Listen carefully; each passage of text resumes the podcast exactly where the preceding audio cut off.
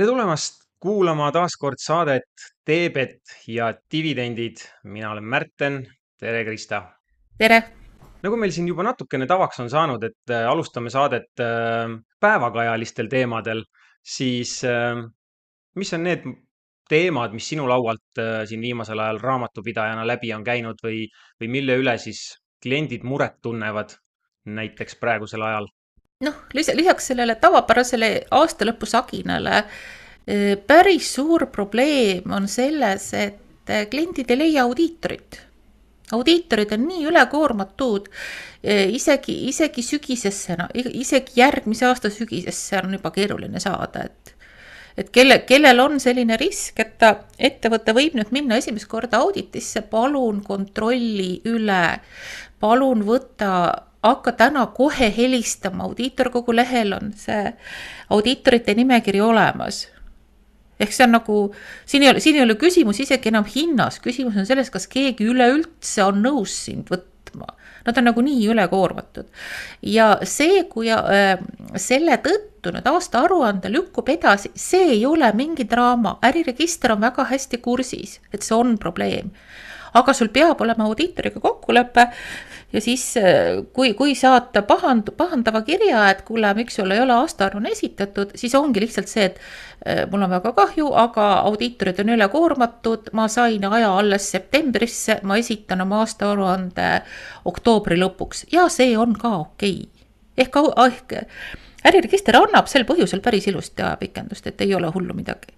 kas oskad öelda, et mis seal turul siis äh, aastatega kuidagi no kuidas see tasakaal paigast ära on läinud, et, et seda pakkumise poolt on nii vähe, et kas järelkasv ei tule peale, vanad lähevad eest ära, nõudmised on nii karmiks läinud, et ei viitsita vaeva näha enam nende kutsetunnistuste saamisega või, või mis seal toimub? siin on kaks asja koos. üks asi on tõesti see, millest sa räägid, et järelkasvu on vähe, sest audiitori töö on raske sul on nagu pool aastat, sa rabad ennast ribadeks. sa töötad mitte nelikümmend, aga kuuskümmend, kaheksakümmend tundi nädalas ja siis sa puhkad ka terve suve mm. -hmm. millega on kõik aktsepteerinud, aga noored ei taha enam seda. ehk see nagu selline noh, sama, sama teema täna oli just Levilas oli meditsiini meditsiin, meditsiini, noorte meditsiinitöötajate mm -hmm. kurtmine, et elu, elu, elu, elu liiga raske ja keeruline. täpselt sama kurdavad eh, noored õpetajad, liiga raske, nagu see noorte ootus tööle on hoopis teine. see peab maht-, see peab mahtuma nagu normaalaja sisse, ta ei tohi olla liiga pingutav noh, et nagu see, et me, me ei tööta selleks, et elame, vaid ela-, noh, et, et, et äh, me ei tööta selleks, et ela äh,, oota, mis pidi see nüüd oli? vastupidi, jah, et me ei ela selleks, et töötada, on ju. just, me ei ela selleks, et töötada ma arvan, neil on, neil on täpselt sama asi ja sealjuures on veel see, et meil on olnud oluline inflatsioon ja ettevõtet ja noh, noh ikkagi pikas perspektiivis ka majanduskasv ja ettevõtete bilansimahud on kasvanud. ehk ka selline auditeeritavate ettevõtete arv on oluliselt kasvanud audiitorkogu esimees ütles, et neil on põhimõtteline kokkulepe finants, rahandusministeeriumiga olemas, et neid auditeerimise piirmäärasid tõstetakse. aga kas siis aasta või paari pärast, ehk see, see, selle kahekümne kolmanda aasta auditeerimine tuleb kuidagi üle elada, aga noh, see on, see on ikka täiesti hulluks läinud käest ära juba.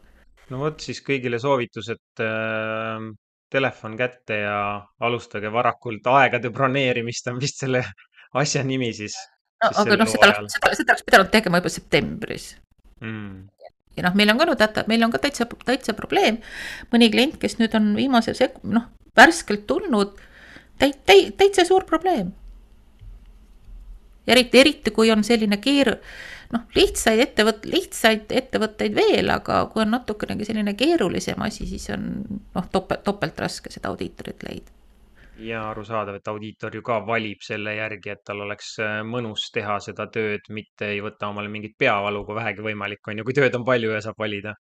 noh, ja pluss on spetsialiseerumine, et, et noh, selle noh, ma ei tea, ma ei tea, palju, palju on üldse neid audiitoreid Eestis, kes on nõus krüptosid näiteks võtma mm.. sest nad lihtsalt ei tunne seda valdkonda ja kui sa valdkonda üldse ei tunne, siis sa ei noh, oma igasuguste koodeksite järgi ta ei tohigi võtta mm. -hmm no selge, siis äh, kõik, kellel on äh, suured ettevõtted või on ühte või teistpidi nendega seotud, siis teadke, et äh, ei ole tagumine aeg, vaid on väga-väga tagumine aeg ja juba tasub siin äh, võimalikult varakult tegutsema hakata. aga täna räägime siis äh, sellisest asjast nagu finantsvõimendus ja ma ei tea, kuidas sul on, aga mina nagu näen, et ajas järjest rohkem seda kasutatakse. äh, ennekõike just, kui me räägime väärtpaberitesse investeerimisest. Ja, ja mõtlesin, et räägimegi siis täna lahti, et mis see finantsvõimendus on ühe ja teise nurga alt. ja, ja võib-olla alustuseks ongi niisugune hästi hea ja lihtne paralleel, mille peale ma mõtlesin, et kui me läheme omale kodu ostma, siis äh, me maksame mingisuguse protsendi sisse, no ütleme näiteks kakskümmend protsenti korteri hinnast maksame oma vahenditest, oma säästudest ja, ja ülejäänud kaheksakümmend protsenti annab siis meile tavaliselt pank. ja, ja kinnisvara valguses see, see laenu kasutamine on väga levinud ja noh, seda nimetatakse ka täpselt samamoodi, on ju, finantsvõimenduseks. kui me nüüd räägime väärtpaberite tagatisel laenu võtmisest, siis see on täpselt samamoodi finantsvõimendus ja selle asemel, et tagatiseks oleks meil see oma kodu või korter, me paneme siis panti omal juba portfellis olevad äh, aktsiad, fondiosakud, mis iganes meil seal on, on ju, võlakirjad. Kui palju sa ise oled nagu kokku puutunud, kas sa ise investorina, see on kõige esimene küsimus, Krista, et kas sina ise investorina oled kasutanud võimendust investeerimisel või, või mitte? Äh, ausalt öeldes ei ole, ma olen, äh, kuidas ma nüüd ütlen, äh, vaat vaata, kui sa näed liiga palju kui sa näed, kui palju vigu teised teevad, siis sa ise ei taha hästi, siis sa ise, ise oled, ise kipud pigem konservatiivsemaks minema. Ütleme siis. sa oled see tark, kes õpib teiste vigadest. ma püüan jah ma püüan. aga kuidas teil büroos on, et klientidel näete neid ähm, võimenduse kasutamist, no saame kohe ära öelda ka selle, et, et kui me räägime siis väärtpaberikonto, kontost mille peal on võimalik seda võimendust kasutada, siis, siis välismaaklerite juures kutsutakse seda margin kontoks ja, ja seda laenu, mis sa siis väärtpaberite äh, tagatisel võtad, seda laenu kutsutakse margin laenuks, et, et kui palju sina siis oma töös näed, et äh, kliendid kasutavad seda, isegi protsentuaalselt, kui sa oskad öelda? no ikka on, no ikka on. noh, pakuks kuskil kakskümmend protsenti äkki või iga viie, sest väga palju, väga paljud on ikkagi sellised, kes, kes võtavad asja konservatiivsemalt. ehk panen, panen mingi raha ja, ja siis ma panen juurde ja siis ma ostan mõned aktsiad ja siis vahel müün ja e-, ehk enamus on ikkagi pigem, pigem selline konservatiivsem, aga, aga ütleme jah, kuskil viiendik ehk on need, kes kasutavad ka võimendust ja asju, et pigem, pigem need, kellel on, kellel on natukene suuremad summad kasutada võib-olla. Mm. Ma isegi ütleks, pakuks umbes sama vahemikku, et teadlikult kasutavad jah, ligikaudu seal on ju sihuke äh, viiendik või veerand, aga siis on terve ports investoreid, keda ma olen näinud, kes, kui me räägime Interactive Brokersist, siis nad justkui igaks juhuks teevad selle margin konto ehk teevad selle konto, kus saaks seda finantsvõimendust kasutada. ja nad ei planeeri seda kasutamist, nad ei plaani, ei taha kuidagi.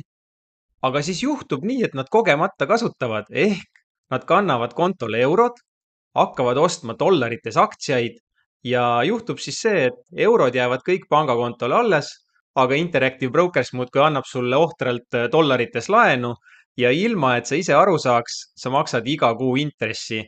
ja, ja selliseid üllatusi olen mina nagu väga palju näinud ja selliste asjadega nagu inimesi aidanud, et kuidas seda valuutat siis äh, tagasi vahetada, on ju, et, et kõik mõtlevad rõõmsalt, et ma investeerin tuhat eurot kuus, on ju, kannan see tuhat sinna, ostan umbes kursiga kohandades, äh, ma ei tea, tuhande ühesaja dollari eest aktsiaid. Aga vot ei ole nii, et äh, sul on üks konto, mis on miinuses ja teine, mis on suurelt plussis. eks, eks, eks neid äpardusi ikka, ikka ette tuleb ja noh, võib-olla nüüd ongi paslik äh, sellest rääkida ka, et ütleme, et kaks aastat tagasi, kolm aastat tagasi, kui sellised asjad juhtusid, siis, äh, siis ega need investorid ei saanud sellele jälile enne, kui aasta oligi läbi ja siis vaadati oma kuu või seda koondraportit on ju kogu aasta kohta, siis vaadati, et oi-oi, et mis rida see siin on, et miks ma mingisugust nii suurt tasu maksan või üldse mingisugust tasu siis Interactive Brokersile. aga täna kui meil intressimäärad on teinud ikkagi väga suure liikumise siis noh, see hakkab nagu kohe hammustama, see, see intressikulu. et teadke siis kõik, kes ähm, finantsvõimendust kasutavad väärtpaberitesse investeerimisel, et täna näiteks, kui me räägime kodumaistest pankadest, siis mina tean, et LHV pakub seda võimenduslaenu, seal täna euro intressimäär on kaheksa pool protsenti aastas, dollaris seitse pool protsenti aastas. ja kui me mõtleme nüüd hästi-hästi lihtsalt, et noh, aktsiaturud ajalooliselt on ju, pakuvad seal kaheksa kuni kaksteist protsenti tootlust. sa võtad kaheksa poolega laenu, siis ähm, noh, kohe on ju matemaatika ütleb, et pikaajalise investorina unusta ära. Ja, ja veel mõned aastad tagasi, kui ma ütlesingi, et intressimäärad olid madalad, see laen oli seal võib-olla said umbes poolteist, kaks protsenti aastas seda, seda laenuraha kätte, siis mina oma dividendiportfelliga tegin aeg-ajalt nii, et ma ostsin selliseid aktsiaid, mis maksid mulle neli protsenti dividendi, mina maksin äh, laenuintressi poolteist, kaks, on ju. ja jah, mul oli see hinnarisk seal olemas et see alusvara võib liikuda, aga justkui rahavooliselt oli kõik hästi, et, et äh, jah, ja täna siis Interactive Brokers'is ütlen ära võrdluseks ka, et need intressimäärad on eurole viis nelikümmend ja dollarile kuus kaheksakümmend ja, ja niipidi lihtsalt tegelikult sellepärast, et, et dollari intressimäärad on täna või USA-s on intressimäärad kõrgemal kui euroalal ja Interactive Brokers'is igapäevaselt need intressimäärad muutuvad. aga kas sa tead, kas mõned teised Eesti pangad ka veel pakuvad seda finantsvõimendust agaralt või, või oled näinud? ei tea, ma ei ole, ma ainult, ma olen, ma olen ainult LHV-s näinud, ma ei mm, -hmm. minu, minu meelest kelle, ma ei teagi, et ma ei ole, ma ei olegi vist näinud, et kellelgi oleks kuskil mujal meie omadest. no see kõige suurem küsimus, mis äh, jätame nüüd selle intressikulu sinnapaika, et äh, kõige suurem küsimus, mis tavaliselt tekib ettevõtte kaudu investeerijatel, on nüüd see, et kuidas seda kõike kajastatakse raamatupidamises ja kas raamatupidaja hammustab läbi, mis seal müstilisel Interactive Brokersi kontol toimunud on. et äkki paari sõnaga räägime sellest, äh, kuidas siis seda finantsvõimendust kajastada. noh, alustuseks tegelikult saame öelda, et no oletame, et sul on äh, Interactive Brokersi konto peal kümne tuhande euro väärtuses aktsiaid ja sa tahad kasutada seda võimenduslaenu ja võtad näiteks kahe poole tuhande eest laenu ja ostad taaskord aktsiaid juurde, siis äh, tihtipeale kipub olema nii, et, äh, et see investor ise arvutab omale välja selle, selle võimenduse protsendi, et noh, et ma võtsin kaks pool laenu ja mul oli kümne tuhande eest aktsiaid ehk justkui kakskümmend viis protsenti võimendust. tegelikult on ju see kaks pool, mille eest, mis sa laenuks võtad, selle eest sa ju ostad uuesti aktsiaid ehk su brutoportfell kasvab kaheteist poole tuhandeni kaks pool on sellest laen, et su tegelik finantsvõimendus on kakskümmend protsenti. Need, kes kohe ei jõudnud matemaatikale jälile, teil on see pluss, et saate tagasi kerida ja kuulata uuesti. Ehk sisuliselt me räägime siis alati sellistest asjadest nagu brutoportfell ja netoportfell sellisel juhul, kui, kui see finantsvõimendus on mängus. aga kuidas seda siis raamatupidamises kajastama peaks? raamatupidamises on see, et see kaks pool, mida sa, mida sa Äh, võtsid, see ongi sul, see ongi sul kohustus, see on sul finantskohustus. Äh, ja, ja, ja bilansis on, bilansis sul ongi nagu laen Interactive Broker silt ja. tavaliselt läheb see lühiajalise kohustuse alla. just, just lühiajalise, lühiajaliste, lühiajaliste laenude alla. ja, ja rohkem, rohkem nagu väga midagi ei olegi ja siis sul on, sul on see peamine raport, mis on seal Interactive Brokersis mis on seal üleval, üleval vasakul ja seal on näha, siis on, ongi the cash ja short, see short veerg, short veerg on kohustused ja cash ja short ongi see laen, mis sa oled, eh, mis sa, mis sa võtnud oled. No üks huvitav asi on selle finantsvõimendusega kasutamisega siis see, et, et kui sa seda teed, siis sa kasvatad oma varade mahtu ja kohustuste mahtu, ehk sa tegelikult kasvatad, on ju, bilansi mahtu. just, just ja, ja asi, mis äh, kunagi, kui ma kasutasin äh, oma sugulasest raamatupidajat, siis avastasin, et noh, tema ei olnud seda läbi hammustanud, tema võttis kogu mu aktsiate väärtuse, näitas selle ära, aga unustas kohustuse poole näidata ehk selle finantsvõimenduse äh, laenu. kus ja... ta pani? ta pani selle tuluks siis või?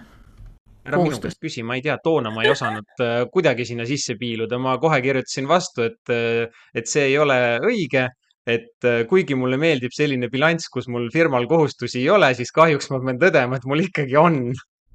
ja vaata, ja vaata, kui sa, kui sa nüüd niimoodi räägid, siis on ka see, et mida rohkem sa bilanssi paisutad, seda, seda lähemale sa trügid sellele ähm, auditi piirmäärale, on ju jah, ja mikroettevõtte, ettevõtja staatusest ka on ju, saad no kiiremini see, välja no, nii-öelda.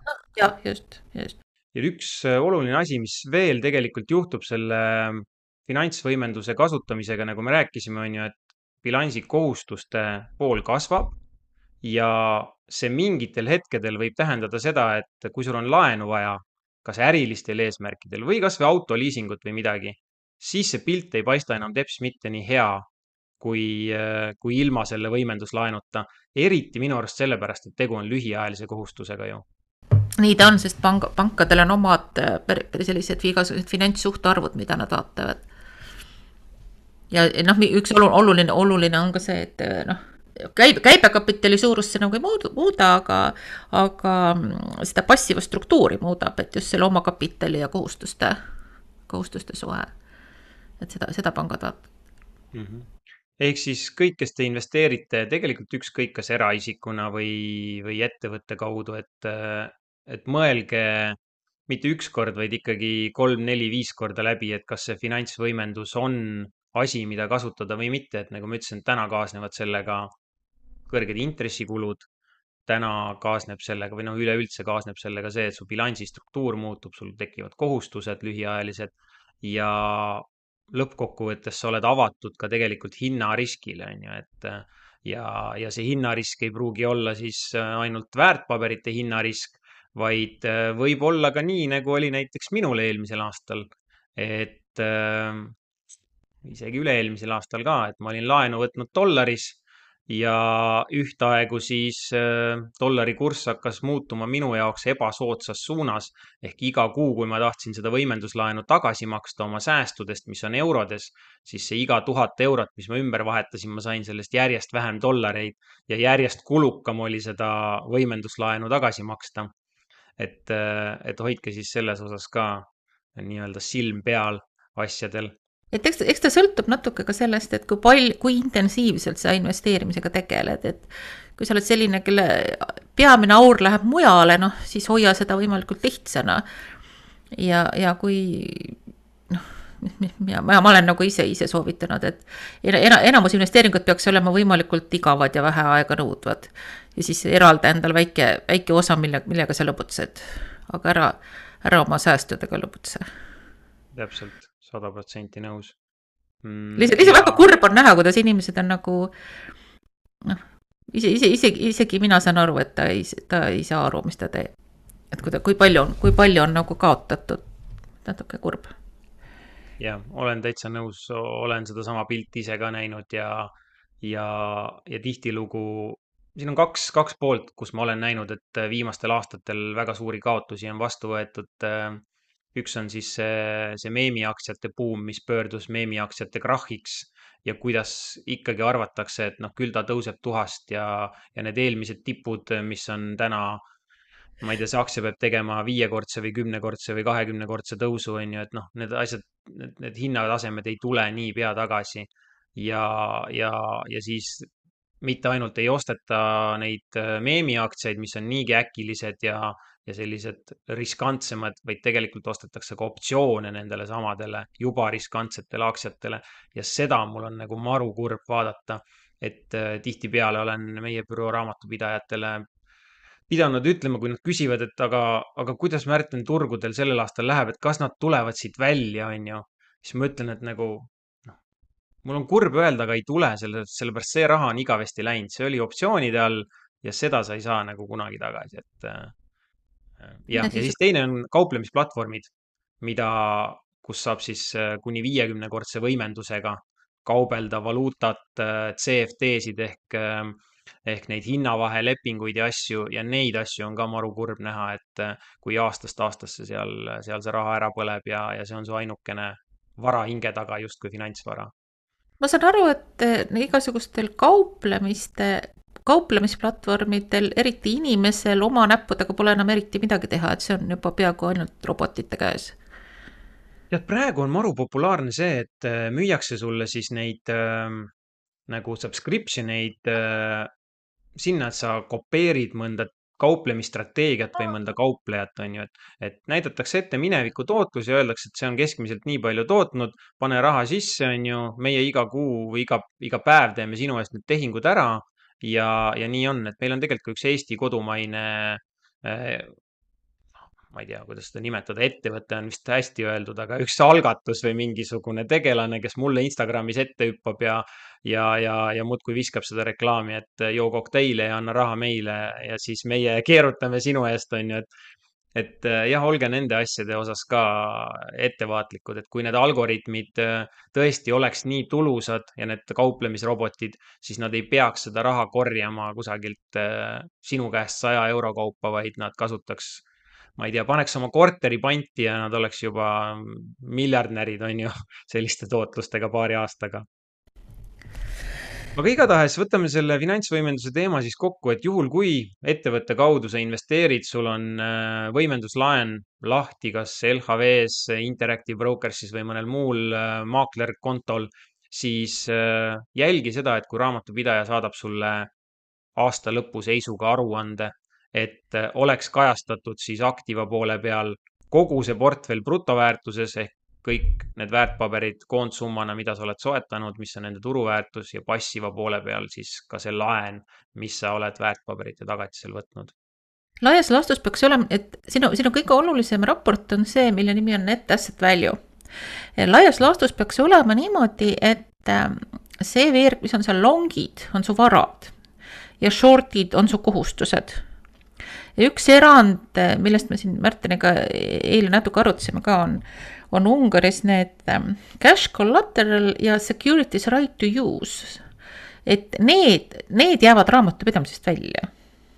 mis, mis nende, mis nende sisu oli, see oli väga kummaline jah, sest et Ungaris on äh, asjad läinud täpselt nii, nagu nad on läinud, peame kahjuks tõdema ja, ja, ja finantsseadusandlus on seal äh, muutunud siis selliseks, et äh, väärtpabereid justkui välja laenata ei tohi ja sellepärast on seal näiteks tehtud selline asi nagu stock yield enhancement program on ju. intressi maksta ei tohi, sellepärast seal on tehtud interest mingi yield enhancement program ehk ähm, kuidagi need asjad on nõnda-nõnda keeruliseks seal aetud, et tavalisi standardseid finantsoperatsioone teha ei tohi, peab neid kajastama läbi mingite imelike skeemide ja selle jaoks siis Interactive Brokers on loonud need eraldi read aga hästi lihtsustatult ähm, äh, need read, mida Krista siin just nimetas, need näitavad siis seda, et kui palju on võetud tagatiseks sinu portfellist siis neid väärtpabereid ehk need on tegelikult need väärtpaberid, mida Interactive Brokers iga kell võib maha müüa ilma sinult luba küsimata, juhul kui see finantsvõimenduse piir sul lõhki läheb. ehk sa saad selle niinimetatud margin call'i asja, mida kõik kauplejad ja, ja riskialtid investorid kardavad nagu, nagu tuld ja, ja teine pool, see cash collateral, see on siis see number, mis on ähm, intressikulu arvutamise aluseks ja Interactive Brokers arvutab seda intressi iga päeva seisuga ja muudkui ähm, kasvatab seda kogunenud intressisummat ja kuu lõpus siis äh, äh, lööb lukku ja võtab järgmisel kuul sult selle eelmise kuu intressikulu kontolt maha. Ehk jah, kui seda short, short veergu vaadata, siis see, mis on cash ja short on siis laen, Interactive Brokersid, lisaks võivad olla sul seal short veerus veel eh, seda securities right to use, seda raamatupidamises ignoreerime, aga kui sul on seal miinusmärk, kui sul on seal short veerus optsioone, siis need negatiivsed, nega-, siis need lähevad ka kohustusena. Et positiivse väärtusega läheb, on finantsvara ja negatiivse väärtusega on finantskohustis, nii kummaline kui see ei ole.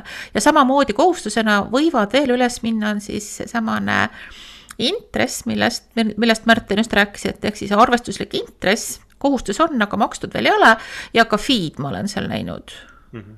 ehk eri, ehk sellest äh, iibe raportis võivad olla erinevad kohust, kohustised, mis, mis peavad ka bilanssi lõpuks jõudma.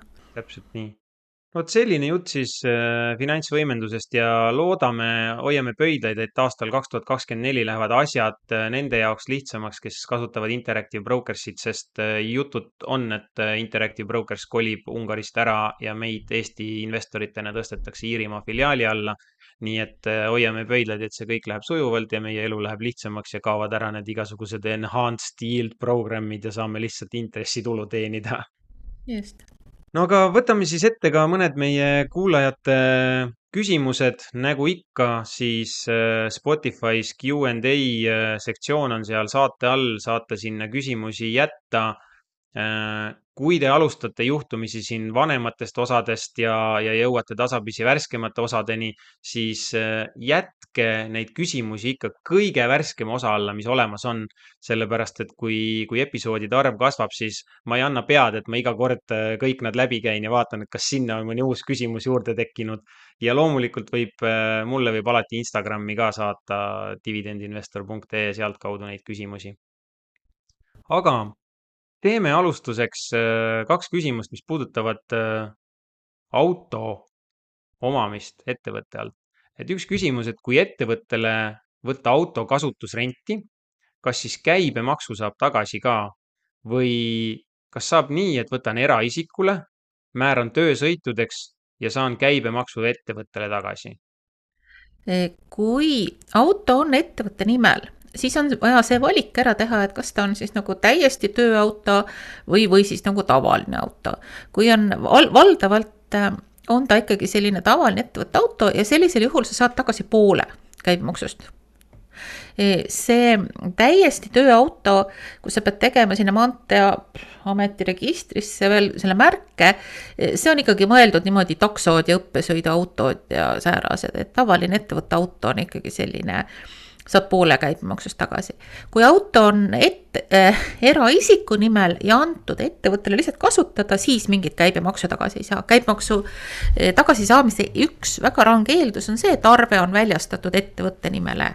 okei okay., ja teine küsimus ka, Kristjan siin küsib äh, auto kandmisest ettevõtte alla, et äh, et kui ma olen oma sellise isikliku varahaldusettevõtte või investeerimisettevõtte ülesehitamise algusfaasis ja mul sel-, selline igakuine intressitulu või rahavoog on umbes sada viiskümmend eurot kuus, siis äh, kas on asjal jumet, et kuidagi see auto kanda ettevõtte alla või, või pigem mitte?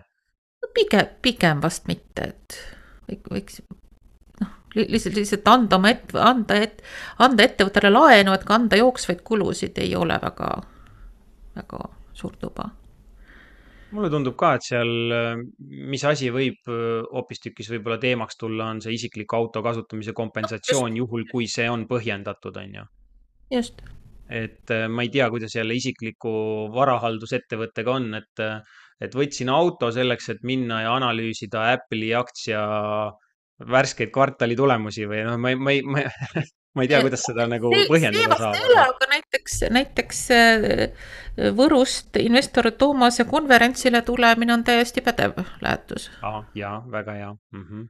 või Narvast Märteni konsultatsioonile tulek Tartusse ja,. jah mm -hmm.. vot väga hea tähelepanek ja väga hea, võtame ühe küsimuse siis veel, et Ivan kirjutab ja küsib, et kui mul on aktiivselt tulu teeniv väikeettevõte, mis seda tulu teen-, mis seda tulu investeerib ta küsib, et kas ja kuidas oleks mõistlik omavahel eraldada see tulu teeniv äri ja see investeerimise varahaldus või, või, või see, see ettevõte siis, mis, mis investeerib ja kas peaks üldse neid kuidagi asju eraldama või mitte? Siin on teema äririskis, siin on teema äririskis. kui sinu äri on äh, riskantne, kui sa, kui sa, kui sa, kui see tõenäosus, et see võib minna pankrotti, on reaalne. no ma ei tea, toitlustus näiteks, tulevad ja lähevad kogu aeg mingisugune e-kaubandus, kus sa ostad Hiinast mingit kaupa ja sa võid mõnele kaubamärgile kannale astuda. mingisugune äri, kus sa, kus keegi võib sinu, sulle, sulle mingisuguse suure kahjunõude esitada, mida kindlustus ei kata. ehk kui sul on reaalne äririsk, siis hoia eraldi. Ja siis alati niimoodi, et see investeerimine on ülevalpool ehk, ehk sul investeerimisettevõte on ema ja äriettevõte on tütar. Ja kui peaks tõepoolest see kohvik minema pankrotti, siis ta läheb pankrotti, aga su investeeringud jäävad alles. kui sul on kõik samas ettevõttes, siis see pankrotti läinud kohvik võtab sinu väärtpaberid ka kaasa ja need lähevad müüki. pankrotihaldur müüb nad maha, et sinu kohustused ära täita. aga kui nad on eraldi, siis, siis seda teha ei saa. see on nagu, see on nagu peamine aspekt aga kas seal on vahet ka, et kui teha nagu kaks eraldi ettevõtet, mida ma mõlemat äh, oman eraisikuna? see on ka äh, täitsa okei okay., see on ka täitsa okei see on ka ju, on ju.